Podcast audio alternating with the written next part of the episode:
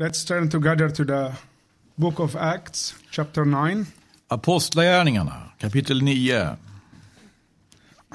We're going to read now about the conversion of Paul. Vi ska nu läsa om eh, Paulus omvändelse. And uh, Brother Hans, if you please read from verses 1 till 9. Och i början så läser vi då från vers 1 till 9 här.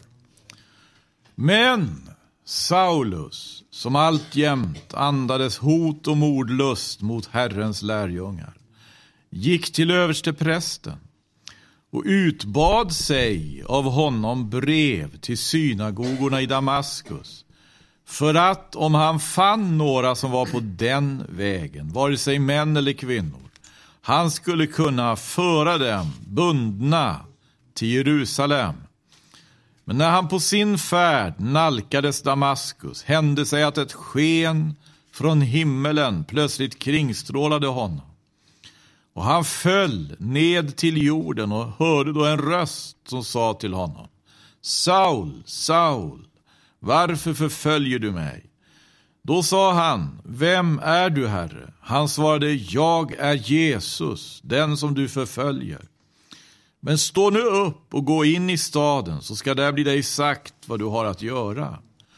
Och männen som var med honom på färden stod mållösa av skräck, ty de hörde väl rösten men såg ingen. Och Saulus reste sig upp från jorden. Men när han öppnade sina ögon kunde han icke mer se något. Då tog honom, det tog honom därför vid handen och ledde honom in i Damaskus. Och under tre dagar såg han inte, och han varken åt eller drack. Yeah.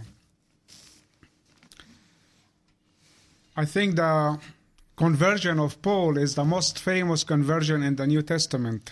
Jag tror att Paulus omvändelse det är den mest kända omvändelsen i Nya Testamentet. And it is considered to be a turning point in the history of the church. Och det anses vara en vändpunkt i församlingens historia. And Luke, the writer of Acts, sees the importance of Paul's conversion. Och Lukas som har skrivit Apostlagärningarna, han förstår vikten av Paulus omvändelse. And therefore he mentions it three times in his accounts in the book of Acts. Och därför så eh, nämner han om den tre gånger under det här eh, under eh, att han skriver Apostlagärningarna. And it's always good when you read the, about the conversion of Paul to read these three accounts together. Och det är bra att kunna läsa, när man läser om Paulus omvändelse, dessa tre redogörelser tillsammans. From chapter 9, chapter 22, and chapter 26. Från kapitel 9, från kapitel 22 och kapitel 26. Because these three accounts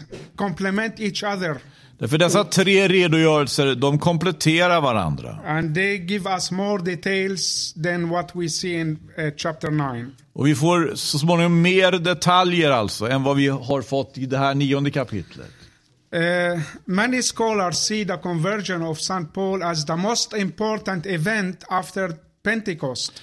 Många eh, som, som är sakkunniga på Bibeln, de eh, ser alltså så Paulus omvändelse som det viktigaste som sker efter pingst. And it is through this man, Paul, that we in the West received the gospel of Jesus Christ. Och det beror mycket på Paulus, denne Paulus, att vi i väst överhuvudtaget har fått evangelium om Jesus Kristus. He was the first to sow the seed of the gospel in Europe.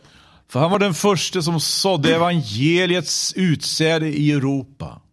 His letters, especially the letter to the Romans, Hans brev, och då särskilt romabrevet, has been more influential than any other writing in the New Testament. har haft större inflytande än något annat som skrivits i Nya And they Testamentet. affected the life of many uh, Christians all over the world. Och påverkat många kristnas liv över hela världen. And even transformed the life of many people, including church leaders. Och förvandlat många människors liv, inklusive då församlingsledare. People like Martin Luther and John Wesley. Människor som Martin Luther, som John Wesley. It is after their understanding of the book, uh, the letter to the Romans, that something happened in their lives and they were completely changed. Det var efter alltså att de hade förstått någonting i romabrevet.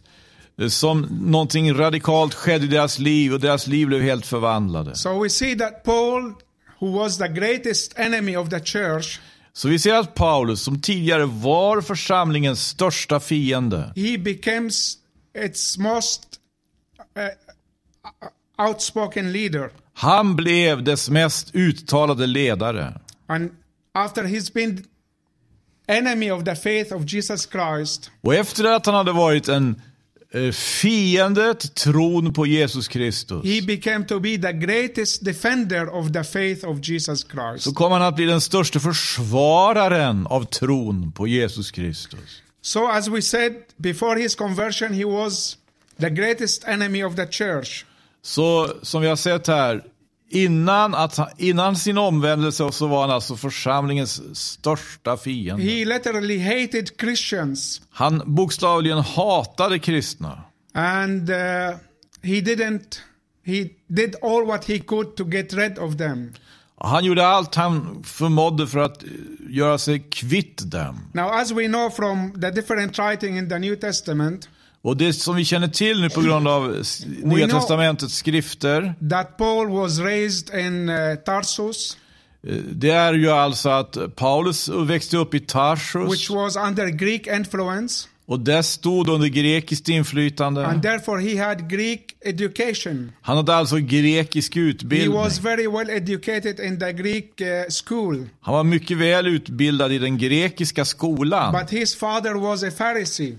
Men hans far var farisé. He was religious. Han var religiös. Therefore, he sent him when he was uh, 12 or uh, after 12 years old to Jerusalem to study in the school of Gamliel. Därför sände han honom när han var 12 år till Jerusalem för att studera hos Gamaliel. to study the Jewish Judaism and the Jewish religion and Jewish culture. Att studera ju, juda, juda, judendomen, den judiska religionen och den judiska kulturen. And the school of Gamliel at that time was considered the most important school of Judaism of these days. Och på den tiden ansågs Gamaliels skola vara den viktigaste skola för jud, judendom på den tiden. So Paul was very highly educated person. Så Paulus var en mycket högt utbildad person. He had uh, high education in the Greek uh, culture.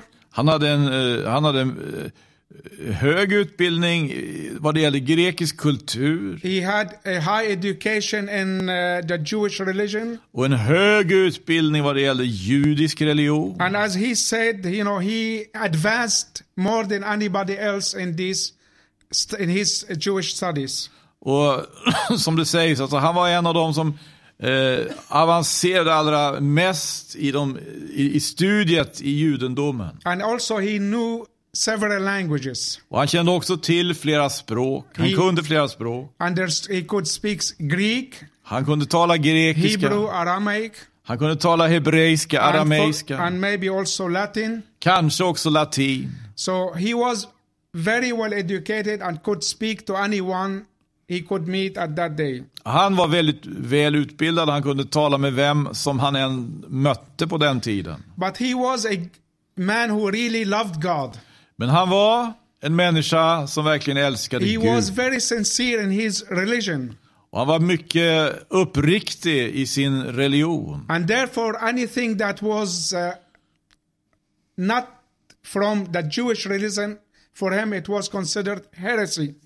Och därför så, vad han ansåg, allt, vad som kom, vad som inte kom från ju- den judendomen, det var alltså, menar han, villfarelse. Therefore, when he persecuted the Christians, he thought he was doing it for God's sake. Och därför när han förföljde de kristna, då menar han att han gjorde detta för Guds He, th- skull. he thought he was honoring God by doing so. Han ansåg att han eh, hedrade Gud genom att handla så. And of course, by his Jewish uh, logic, he believed that Christ was a blasphemy.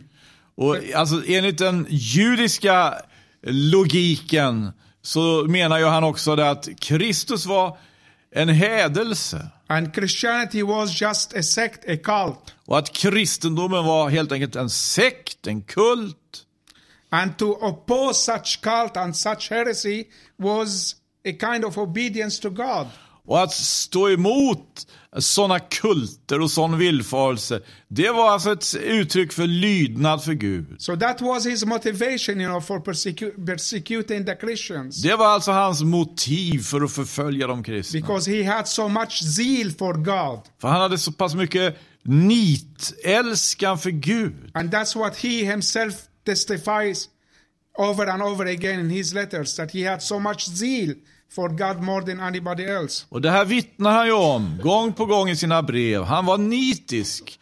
Han var mer nitisk än någon annan för, eh, för Gud. And if you turn to books of Acts, he gives a little more details about his motivation. Och vi kan eh, just i Apostlagärningarna finna en hel del, eh, en, med fler mo- motiv varför han var så, så, så nitisk. In Acts chapter 22, he gives his own testimony with his own mouth Yeah. before the very same people that sent him to Damascus to persecute the Christians. I Apostlagärningarnas 22 kapitel, där vittnar han med egna ord och, och inför just de människor som hade sänt honom till Damaskus tidigare för att förfölja de kristna. So maybe, Brother Hans, if you can read uh, verses 3 till 11, chapter Så, 22. så vi läser ur det här kapitlet från vers 3 till 11 här. Till och med 11. Då säger, alltså, då säger han så här. Jag är en judisk man, född i Tarsus i Silicien, men uppfostrad här i staden och undervisad vid Gamaliels fötter, efter fädernas lag i all dess stränghet. Och jag var en man som nitälskade för Gud, så som ni alla sammans idag gör. Jag förföljde den vägen ända till döds och både män och kvinnor lät jag binda och sätta i fängelse. Det vittnesbördet kan översteprästen och det äldstes hela råd ge mig. Och så fick jag av dem brev till bröderna i Damaskus och jag begav mig dit för att fängsla jämväl dem som var där och föra dem till Jerusalem så att de kunde bli straffade. Men när jag var på vägen och nalkades Damaskus hände sig vid middagstiden att ett starkt sken från himmelen plötsligt kringstrålade mig. Och jag föll ner till marken och hörde då en röst som sa till mig Saul, Saul, varför förföljer du mig? Då svarade jag Vem är du, Herre? Han sa till mig Jag är Jesus från Nasaret, den som du förföljer. Och det som var med mig såg väl skenet, men hörde icke rösten av den som talade till mig.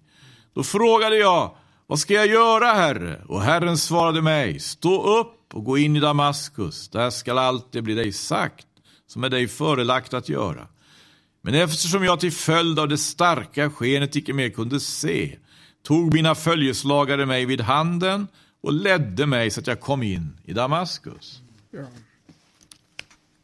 So we see here, you know, another account of the conversion of Paul. Och vi ser här alltså en, ännu en redogörelse för, eh, för Paulus omvändelse. It is almost identical to the account in chapter 9, but with little more details. Här är praktiskt taget identisk redogörelse med den vi tidigare läste i kapitel 9. Det finns, det finns lite mer detaljer däremot.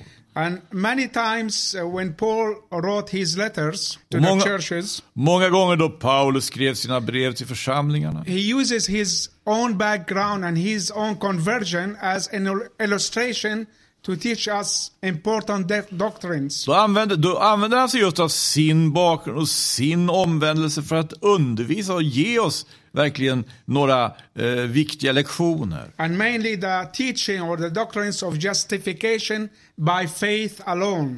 Och i huvudsak då eh, läran om rättfärdiggörelse genom tro och enbart genom tro. Justification, justification by faith and not by work. Rättfärdiggörelse alltså genom tro och inte på grund av gärning. By the grace of God and not by the religion of man. På grund av Guds nåd och inte på grund av människors religion. And he teaches us more over and over again in his letter that salvation is not something man can merit, Och han lär oss och undervisar oss gång på gång i sina brev att frälsningen är ju ingenting som någon människa kan meritera sig för. It is not something that you can gain by doing good work and living a good life. Det är ingenting man kan få vinna, som man kan genom att eh, så att säga göra goda gärningar eller leva ett gott liv. Otherwise, he, Saul himself, is more merited than anybody else. I sådana fall skulle ju Saulus, den gamle Saulus, vara mer meriterad än någon annan. Because as he witnessed, he did all the things that he was possible in order to please God. För som han vittnar, han gjorde ju allt han kunde för att behaga Gud. But that did not save him at all. Men det kunde inte frälsa honom alls. He says salvation is a gift from God. Han säger, frälsningen är en gåva från Gud. And it is only through faith in Jesus Christ alone. Och det är bara på grund av tron på Jesus Kristus. Endast detta. And that was the core teaching of Paul the Apostle. Här har vi så att säga själva hjärtat i Paulus eh, teologi. We know that before his conversion, he believed in the only true God, the God of Israel, Jehovah. Och vi vet att innan sin omvändelse så trodde han på den ende rätte guden, på Israels Gud, på JHVH. He was a very religious man. Han var mycket religiös människa. And as he said, a Hebrew of the Hebrews, a Pharisee of uh, son of a Pharisee. Och som han någonstans skrev, en hebré född av hebreer.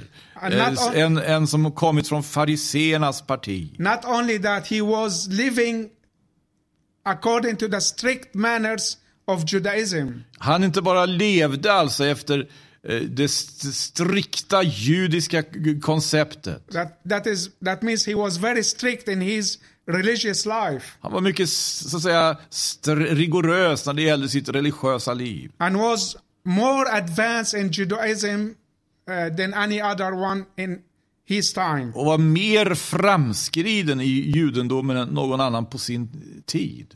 And because of his zeal for Judaism, he led the persecution against Christians. På grund av sitt nit för judendomen så anförde han förföljelsen mot de kristna. He, in fact, tried to destroy the church of Jesus Christ. I själva verket försökte han alltså förstöra Jesu Kristi församling. by seeking to exterminate all the Christians that he could find. Genom att helt enkelt söka eh, likvidera alla de kristna han kunde komma på. And this he did because he believed it was the will of God. Han gjorde detta därför han trodde det var Guds vilja. And that's what we understood from uh, Acts chapter 26. Eh, Efter vad vi förstår också i, i, i, på grund av det som står i Apostlagärningarnas 26 kapitel. But he never had put his faith in Jesus Christ uh, and the blood of Jesus Christ before his conversion. Men han hade aldrig alltså kunnat komma till tro på Jesus eller på Jesu blod före sin omvändelse. Because he thought that Jesus was an enemy of God. Han tänkte nämligen att Jesus var Guds fiende. So, therefore, Paul was a man consumed with his religious passions and uh, feelings. Därför så var Paulus en man som alltså förtärdes av religiösa passioner och, och, och känslor. And therefore, he wanted to exterminate the Christians not only in Jerusalem, Därför så ville han alltså eh, likvidera de kristna, inte bara i Jerusalem. but also he sought to find them even outside Jerusalem. Men han sökte efter dem också utanför Jerusalem. And finally, we see him that he wanted to go even as far as Damascus, Och vi ser han var redo att gå så långt som till Damaskus. which was about 260 kilometers away from Jerusalem. Och det var alltså 260 kilometer eh, från, bort från, väg från Jerusalem. And usually at those days, it took about six days to travel from Jerusalem till Damascus. Och vanligtvis tog det på den tiden sex dagar att resa från Jerusalem till Damaskus. And therefore, we read that he took permissions from the high priest in Jerusalem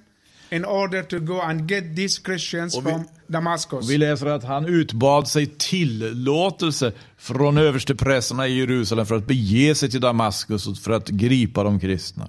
And as we have read, when they approach about to uh, enter the city of Damascus, Och som vi har läst när de stod i begrepp att rida in i, i, i Damaskus. and it's obviously it was in the last day of their journey. Det var tydligen den sista dagen av deras resa. We read that a bright light, brighted, bri- brighter than the sun, shone around them. Då så, så läser vi att ett starkt sken från himlen And uh, plötsligt kringstrålade dem.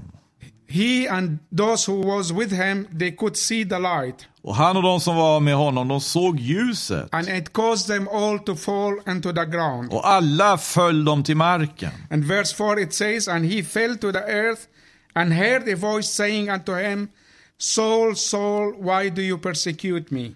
Uh, In verse 4, in what chapter? chapter 9. I, I vers 4 i kapitel 9 eh, så läser vi ju just detta att han hör en röst som säger Saul, Saul, varför förföljer du mig? And notice what Jesus is saying to him. He's not saying to him, Saul, Saul, why are you persecuting my church? Lägg märke till vad Jesus säger nu. Han säger inte Saul, Saul, varför förföljer du min församling? But he's saying, Why do you persecute me? Men han säger varför förföljer du mig? And this shows that Jesus Christ looks at the church as it's his body. Och det visar att Jesus Kristus betraktar församlingen som sin kropp. So therefore the church is the body of Jesus Christ. Alltså församlingen är Jesu Kristi kropp. And therefore there was a unity between him as the head of the church and his body on earth. Och därför så fanns en enhet mellan honom eh, som huvudet för församlingen och hans kropp på jorden. And therefore he says, Why do you persecute me? Och därför säger han, varför förföljer du mig? Now Saul in his confusion he asked, Who are you master? Men eh, i sin förvirring så ro, frågar Paul, Saulus här, vem är du här? He didn't know who is that one who was talking to him. Han visste inte vem det var som talade till honom. But obviously he realized that he was standing before a heavenly being. Men han insåg uppenbarligen att han befann, stod inför, alltså var inför ett himmelskt väsen. But later on in the book of Acts, even in chapter 9, verse 27, we understand that he understood later that he stood before Jesus Christ. Men som vi läser senare i det här kapitlet, i vers 27, han hade insett att han hade mött Jesus That Kristus. he saw Jesus face to face. Han såg Jesus ansikte mot But ansikte. at that point, Paul, uh, Saul did not realize that that man was Jesus. Men vid det tillfället som det skedde så insåg han inte då att det här var Jesus. And therefore he asked, Who are you, Lord? Och därför så frågar han, vem är du Herre? But the shocking things is the answer he got. Det som chockerar ju här, det är ju svaret han då fick. He was not prepared to hear the answer. Han var inte beredd att höra svaret. Jesus said, I am Jesus whom you are persecuting. Jesus säger, jag är Jesus, den som du förföljer. What a shocking thing was for this man, Saul, to What- hear the name of Jesus. Vad chockerande för denne Saulus att höra Jesu namn.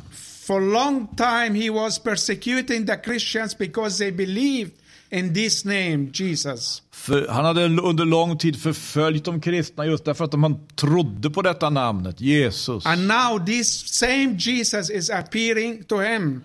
Och nu är det samme Jesus som själv vänder sig till honom. And no wonder he was so shocked and so, trembled Och ingen, inte, inte undra på att han blev så chockerad, så skakad. And especially when he heard Jesus saying, Why are you persecuting me? Särskilt då han hör dessa ord av Jesus. Varför förföljer du mig? So he understood that there is no difference between Jesus and his church. Han förstod att det var ingen skillnad mellan Jesus och församlingen. And later on in his letters, he is going to teach us about the unity of the head, Jesus Christ, and his body, the church. Och så småningom så kommer han i sina brev att undervisa om enheten mellan huvudet, And we read eh, Jesus Kristus och kroppen, församlingen. About it in Ephesians chapter 2, for ex- uh, 1, cha- for example. Vi kan till exempelvis läsa i Efesierbrevets första kapitel. And then uh, in the letter to the Corinthians, chapter 12. Och vi kan läsa i Korintierbrevet, det första i tolfte kapitlet. So this was the thing that caused him to know that there is unity between Jesus Christ and his body, the church, on earth. Det som hände då var alltså orsaken till att han kom till insikt om enheten And mellan Jesus Kristus och hans församling. he understood that the one who harms the church of Christ, he is harming Christ himself. Han förstod att den som gör eh, församlingen skada, gör skada mot Jesus själv. Now, Jesus continues to speak to him. Men Jesus fortsätter tala till honom. And now there is a little difference here between the King James translation and the Arabic and other uh, versions that I have read and the Swedish Bible. Men det fortsätter här och det finns nu vissa skillnader mellan eh, svenska bibeln, King James och arabiska och de översättningar jag använder. In the King James, Jesus continues to says, "It is hard for you to kick against the goats." I eh, King James så fortsätter Jesus med att säga det är svårt för dig att eh, eh, stå emot udden. And this you don't find it in the Swedish translation in chapter 9. Vi ser inte det här i nionde kapitlet i, i, i, i den svenska But you will find it in chapter 26 verse 14. Men däremot i kapitel 26 så står det här i den fjortonde versen. And there's Jesus says, It is hard for you to kick against the goats. Just där säger alltså Jesus, Saul, Saul, varför förföljer du mig? Det är dig svårt att spjärna mot udden. And I don't know if uh, uh, you know this word goad. What does it mean? Och, vet inte om ni fattar vad det här ordet udd är? Uh, anyway, in, in the old times in uh, the Middle East, they had an instrument. På, I gamla tider i Mellanöstern så fanns, hade de ett instrument. It was a long stick with some iron, sharp irons in the end of it. Det var en lång, så att säga, eh, stav med någon järnföremål i ena änden. Uh, sharp iron nails. Det var skarpa järnspikar. Eh. It was used to force an oxen to go ahead. Det var alltså vad man använde för att få en ok, för, tvinga oxarna att, att sätta sig i rörelse. En Especially oxpik. Alltså. when the farmers wanted to plow the land När eh, till exempelvis en bonde ville plöja and the oxen refused to go on. Och oxen vägrar röra sig. So then the farmer would use this uh, goat to push on the oxen. Då använde sig bonden av en oxpik för att fösa oxen. And if the oxen tries to kick it Och away from him, oxen försökte sparka eh, av, av sig det här då. then he will only harm himself because of the sharp nails that goes out of this Då, stick. i, i det läget så kom oxen bara att skada sig själv på grund av de skarpa, så att säga, spikar som var fästa på den här. So whenever this ox tried to kick it away, he will only harm himself. När oxen försökte sparka bort det här föremålet så blev han alltså själv bara, led han bara skada själv av. The Lord is using this uh, uh, picture of the goat Så Herren använde sig av den här bilden av en oxpik as a symbolic uh, uh, thing, you know, to push Paul forward. som, ett, eh, som en symbol alltså för hur han föste eller förmådde Paulus att ändra kurs. And many believe that from the time of Stephen, Och många ha- menar ju det att från Stefanus dagar, från Stefanus tid, the Holy Spirit was trying to open the eyes of Paul to see the truth. så arbetade den heliga ande med att öppna Paulus ögon för att han skulle förstå sanningen. It was trying to awaken his conscience. Den heliga ande strävar efter att väcka hans samvete. But Paul was so much blinded by his own religion and his own tradition Men Paulus var så- så för- förblindad av sin egen religion och sin egen tradition. and he could not realize that this that was bothering him it was the voice of God. Och han kunde då inte alltså inse att det som eh, störde honom, det var Guds röst. So he, he could not understand that God was picking in his conscience, you know, in order to cause him to see the light, to see the truth. Så han kunde liksom inte förstå det att Gud använde sig av oxpiken i hans samvete för att för, förmå honom att förstå eh, vad, vad, som var, varifrån ljuset kom, vad som var sanning. In order to get rid of this conviction of his conscience, he started to persecute the Christians. Och för att komma ifrån samvetets så att säga förebråelser så började han förfölja de kristna. So he started to, uh, to, to, to, to harm them, to kill them, to uh, jail them. Han började alltså göra dem skada, döda dem, sätta dem i fängelse. So he was kicking against God's conviction. Så han stod emot, han spjärnade emot alltså den övertygelse som Gud hade sänt.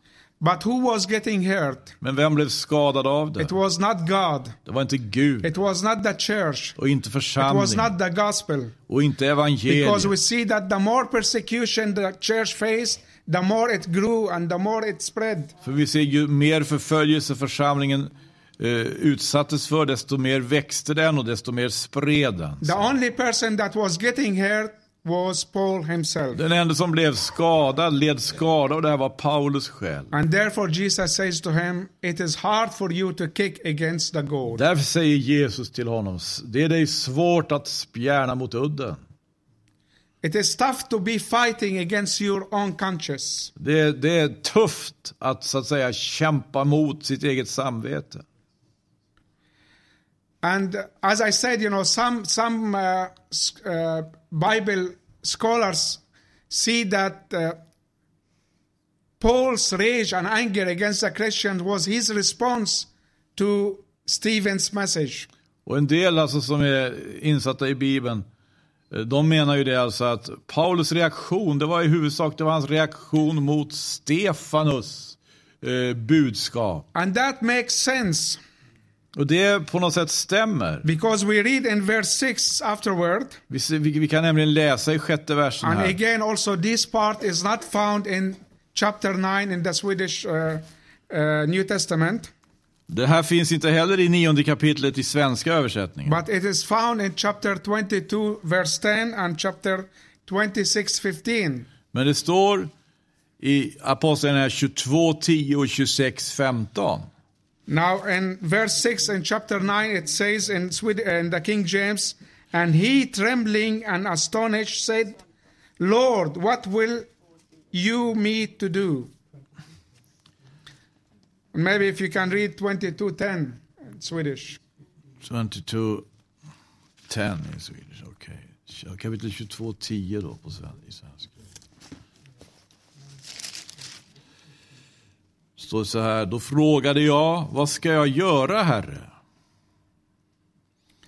So this shows that he was thinking about the claims of uh, Jesus Christ Det visar ju det alltså att han, han, han tänkte på Jesu anspråk. and what his followers claimed about him. Och det är så att säga som hans efterföljare eh, hävdade när det gällde Jesus. But as one who was very faithful to and loyal to his own religion, Men som en som var väldigt alltså trogen och lojal mot sin egen religion he of course rejected these claims. så var han naturligtvis en motståndare till dessa ah, vad heter det, utfästelser. He rejected that Jesus was the Son of God. Han eh, satt, satte sig emot det här att Jesus skulle vara Guds son. And he rejected that Jesus is the Savior and the Messiah. Och han stod emot eh, alltså, den föreställningen att Jesus skulle vara frälsare, att han skulle vara Messias. And therefore he regarded them as a blasphemy, as a heresy. Han ansåg alltså att det här var eh, hädelse, det var villfarelse. But nevertheless, he was thinking about it from time to time. Men trots det, han tänkte på det då och då. And after this revelation from heaven that he saw in the way to Damascus, Och efter den alltså himmelska uppenbarelse som han fick på, vä- på vägen mot Damaskus suddenly everything became so clear to him. så blev allting plötsligt så klart för honom. He realized that Jesus' death on the cross Han insåg att Jesu död på korset, was God's provision for man's sin. Det var alltså Guds sätt att möta människans synd.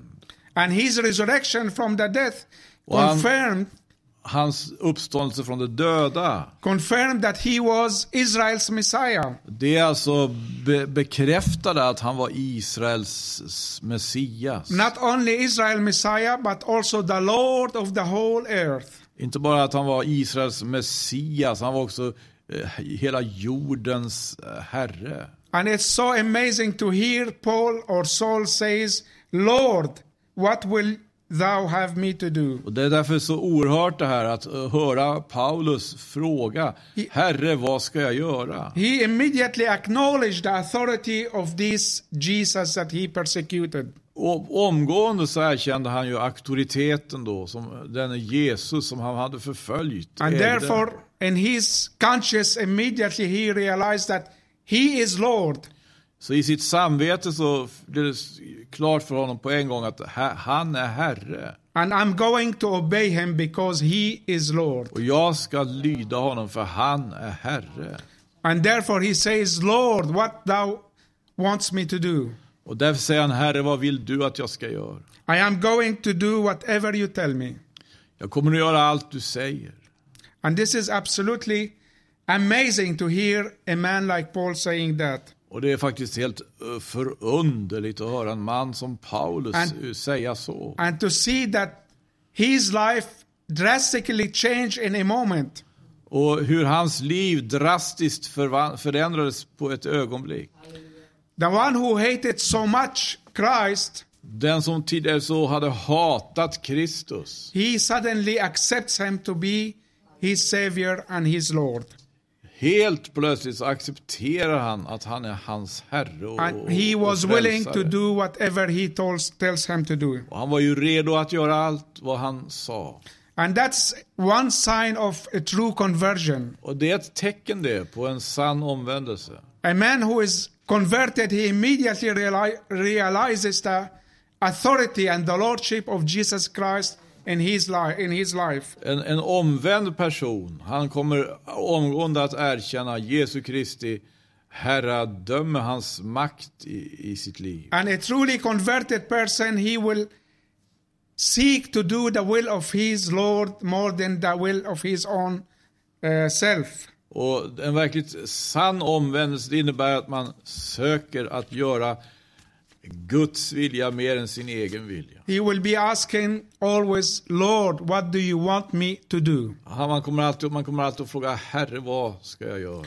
Then in verse 6 to 8, the Lord tells him Och sen what to do. så läser vi vers 6 till 8. Herren talar om för honom. He says to him. Arise and go to the city, to Damascus, and there you shall be told what you must do. Han säger stå upp och gå in i staden så ska du få höra där vad du ska göra. And Saul did exactly what the Lord told him to do. Och Saulus gjorde ju precis det som Herren sa att han skulle göra. And his entry to Damascus was not completely what he planned to be. Och hans ingång i Damaskus, det blev alltså inte riktigt så som han hade tänkt. He was going there with much force and power. He wanted to arrest the Christians, take them back to Jerusalem. Han kom dit med stora fullmakter och, och, och mycket, eh, så att säga, eh, stor styrka för att arrestera de kristna där. He thought that he could go in like a great king, uh, conquering hero to kunde, Damascus. han föreställde sig att han kunde komma som en slags, nära på K, en stor erövrare till Damaskus. But instead, he went in as a blind man. Istället så kom han in i staden så som en blind man. And he was, instead of going by his own force, by his own power, Och istället för att gå i egen kraft och styrka he was being led by other people. så blev han ledd av andra människor. God had crushed him. Gud hade brutit ner honom. He crushed his pride. Brutit ner hans stolthet. He crushed his uh, uh, trust in his own religion. Och brutit ner hans, så att säga, förtröstan på sin egen religion. And it is often so with us, you know, God sometimes, when we are too much stubborn and not listening to his voice, he crushes us. Och det är så också eh, för oss. När vi är alldeles för styvnackade och inte lyssnar till honom så bryter han ner oss. But in the case of Paul, it was like one crushes a rose, a flower. Men i, i Paulus fall så var det ur, ur det här, ur det här sönderbrutna så växte det en When you crush a flower, it releases a fragrance. När man, när, man bryter, när man bryter sönder en, eh, eller krossar en blomma då kommer det ut en vällukt. And so it is with Paul's life when God crushed him. Och så var det med Paulus när han blev krossad av Gud. It released a great fragrance from his life. Så innebar det att en, en, en vällukt utgick från honom. A fragrance that was well pleasing to the Lord. En, en, en vällukt som behagade Gud själv. And then we read in verse 9 And he was three days without sight, and neither did eat nor drink. Och vi kan läsa vidare att han i tre dagar så såg han ingenting och han vare sig åt eller drack. So uh, Paul, uh, Saul's conversion had uh, happened so fast. Så Saulus, eller Paulus omvändelse, den skedde ju It så was without snabbt. any prior warning for him. Det var helt utan förvarning för honom. He did not plan to be converted at all. Han planerade inte detta, han planerade inte sin He omvändelse didn't go alls. to a meeting to hear anything about Jesus Christ. Han gick inte till något möte för att han skulle få höra någonting om No, he Jesus wanted to Kristus. destroy all those who goes to meetings. Nej, han ville fördärva alla dem som gick till mötet. So that was not in his plan at all. It was all it happened.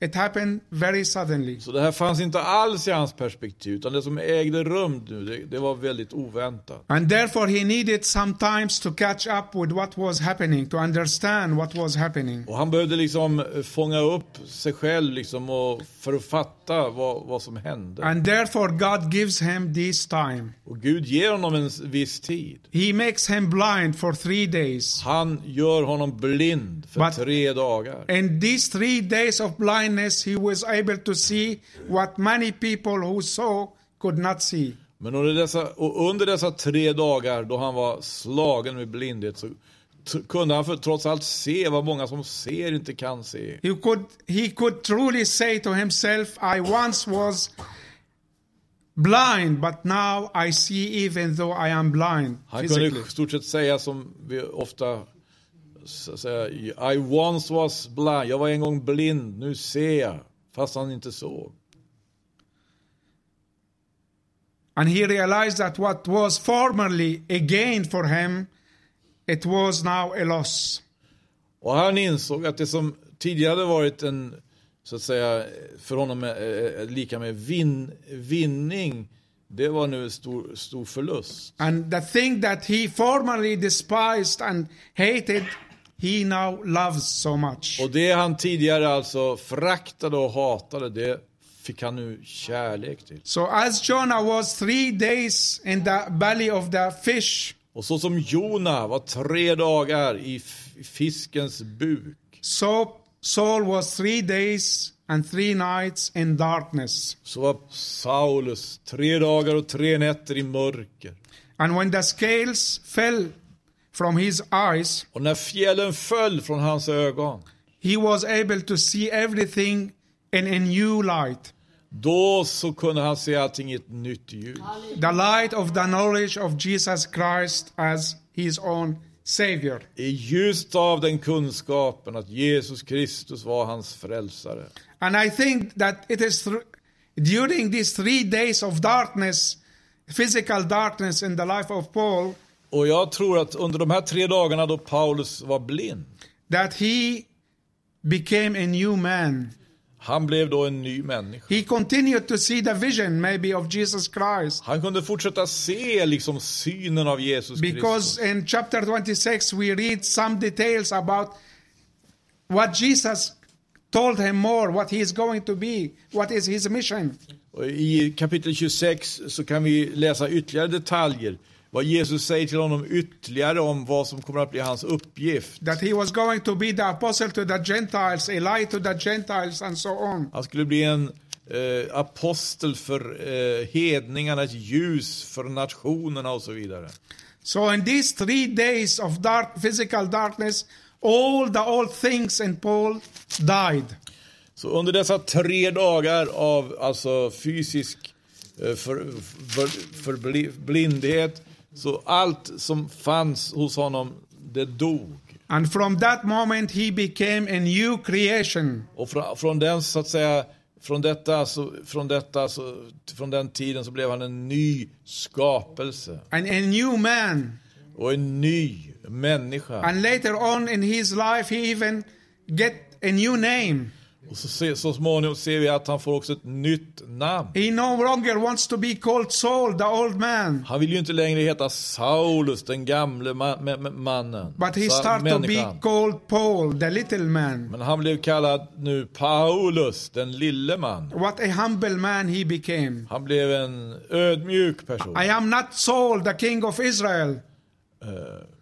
I am, I am not Saul, the king of Israel, after the king of Israel, jag är inte längre så att säga Saulus, mer eller mindre konung över Israel. because he was named after the king of Israel, Saul. Han var ju då, hans namn var ju samma som en konung. Som, But now I am the little man, the servant of Jesus Christ. men nu är jag en liten eh, man, en tjänare åt Jesus That's Kristus. a tremendous change in the life of this man who hated Christ so much. En oerhörd förändring i denna mans liv. Han som förut hatade Kristus. And I assume that if from that time of physical darkness in his life, Och jag förmodar att från den tiden då han var i fysiskt mörker, he considered himself dead.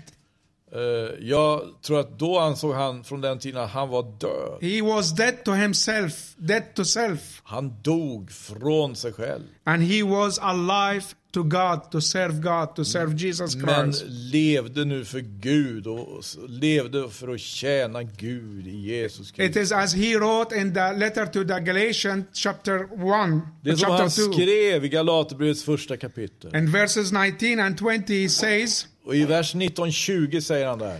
I have been crucified with Christ. Nevertheless, no more I live, but Christ lives in me.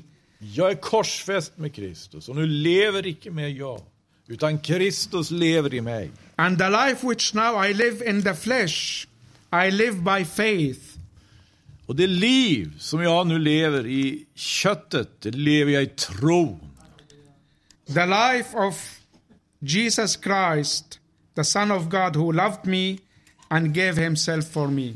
I tro på honom som har älskat mig och som har givit sitt liv för mig. What a conversion it was for Paul. Vilken omvändelse för Paulus. And we can really praise God for this man Och vi kan verkligen tacka Gud för denne man. because we owe many of our teaching and our uh, church and Christian life och hem. Därför att vi alltså, mycket av vad vi har lärt och mycket av vårt församlingsliv, det faller tillbaka på honom. This man who was far away from God, Han som en gång var så Jesus Christ, långt borta från Gud, från Jesus Kristus. this one who hated the church and Jesus Christ, Han som hatade församlingen och Jesus själv. in a moment his life changed, På ett transformed, ögonblick så för, för, förvandlades hans liv. and God chose him to be a vessel by which he can use to spread the gospel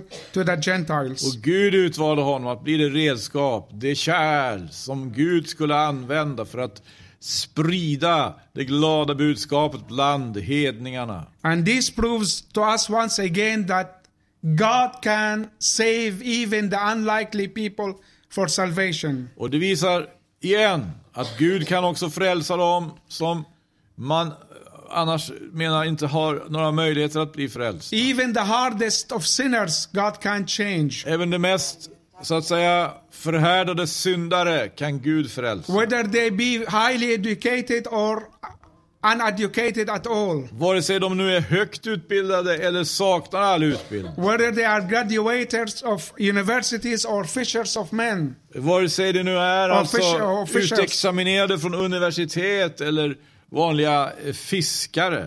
God can change all people Gud kan förvandla alla and can, människor. can make new people from people who man could never be imagined that their lives will be changed. Gud kan göra nya människor av människor som man aldrig skulle kunna tänka sig att det skulle kunna ske någon förändring i deras liv. And conversion of Paul proves that God can take even a man who is breathing, as it says, he is murder and killing. Så det, Paulus exempel visar att Gud kan ta också den som, som det heter andas hot och mordlust. A man that was committed to, the, to destroy the church. En man som på det viset alltså var fast besluten att han skulle förstöra församlingen. God took him and changed his heart. Gud tog honom och förvandlade hans hjärta. He changed his life drastically.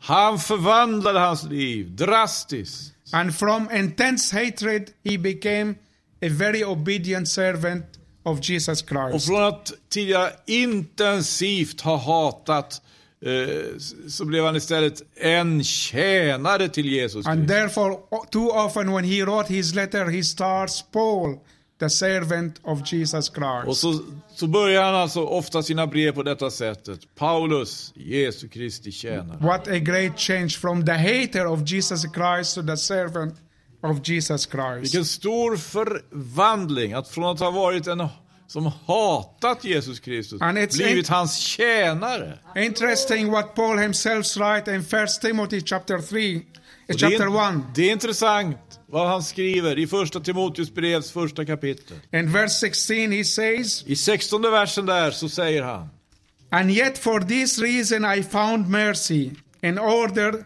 that in me as the foremost, Jesus Christ might be might demonstrate his perfect patience as an example for those who would believe in him for eternal life. Let me see, what verse was it? 1 Timothy 1:16. 116. Men att barmhärtighet vederfors mig, det skedde just för att Kristus Jesus skulle främst på mig bevisa all sin långmodighet och låta mig bli en förstlingsbild av dem som skulle komma att tro på honom och så vinna evigt liv. So we see that Paul's conversion was an example to all of us. Och så, så är alltså ah, Paulus omvändelse ett exempel för oss alla.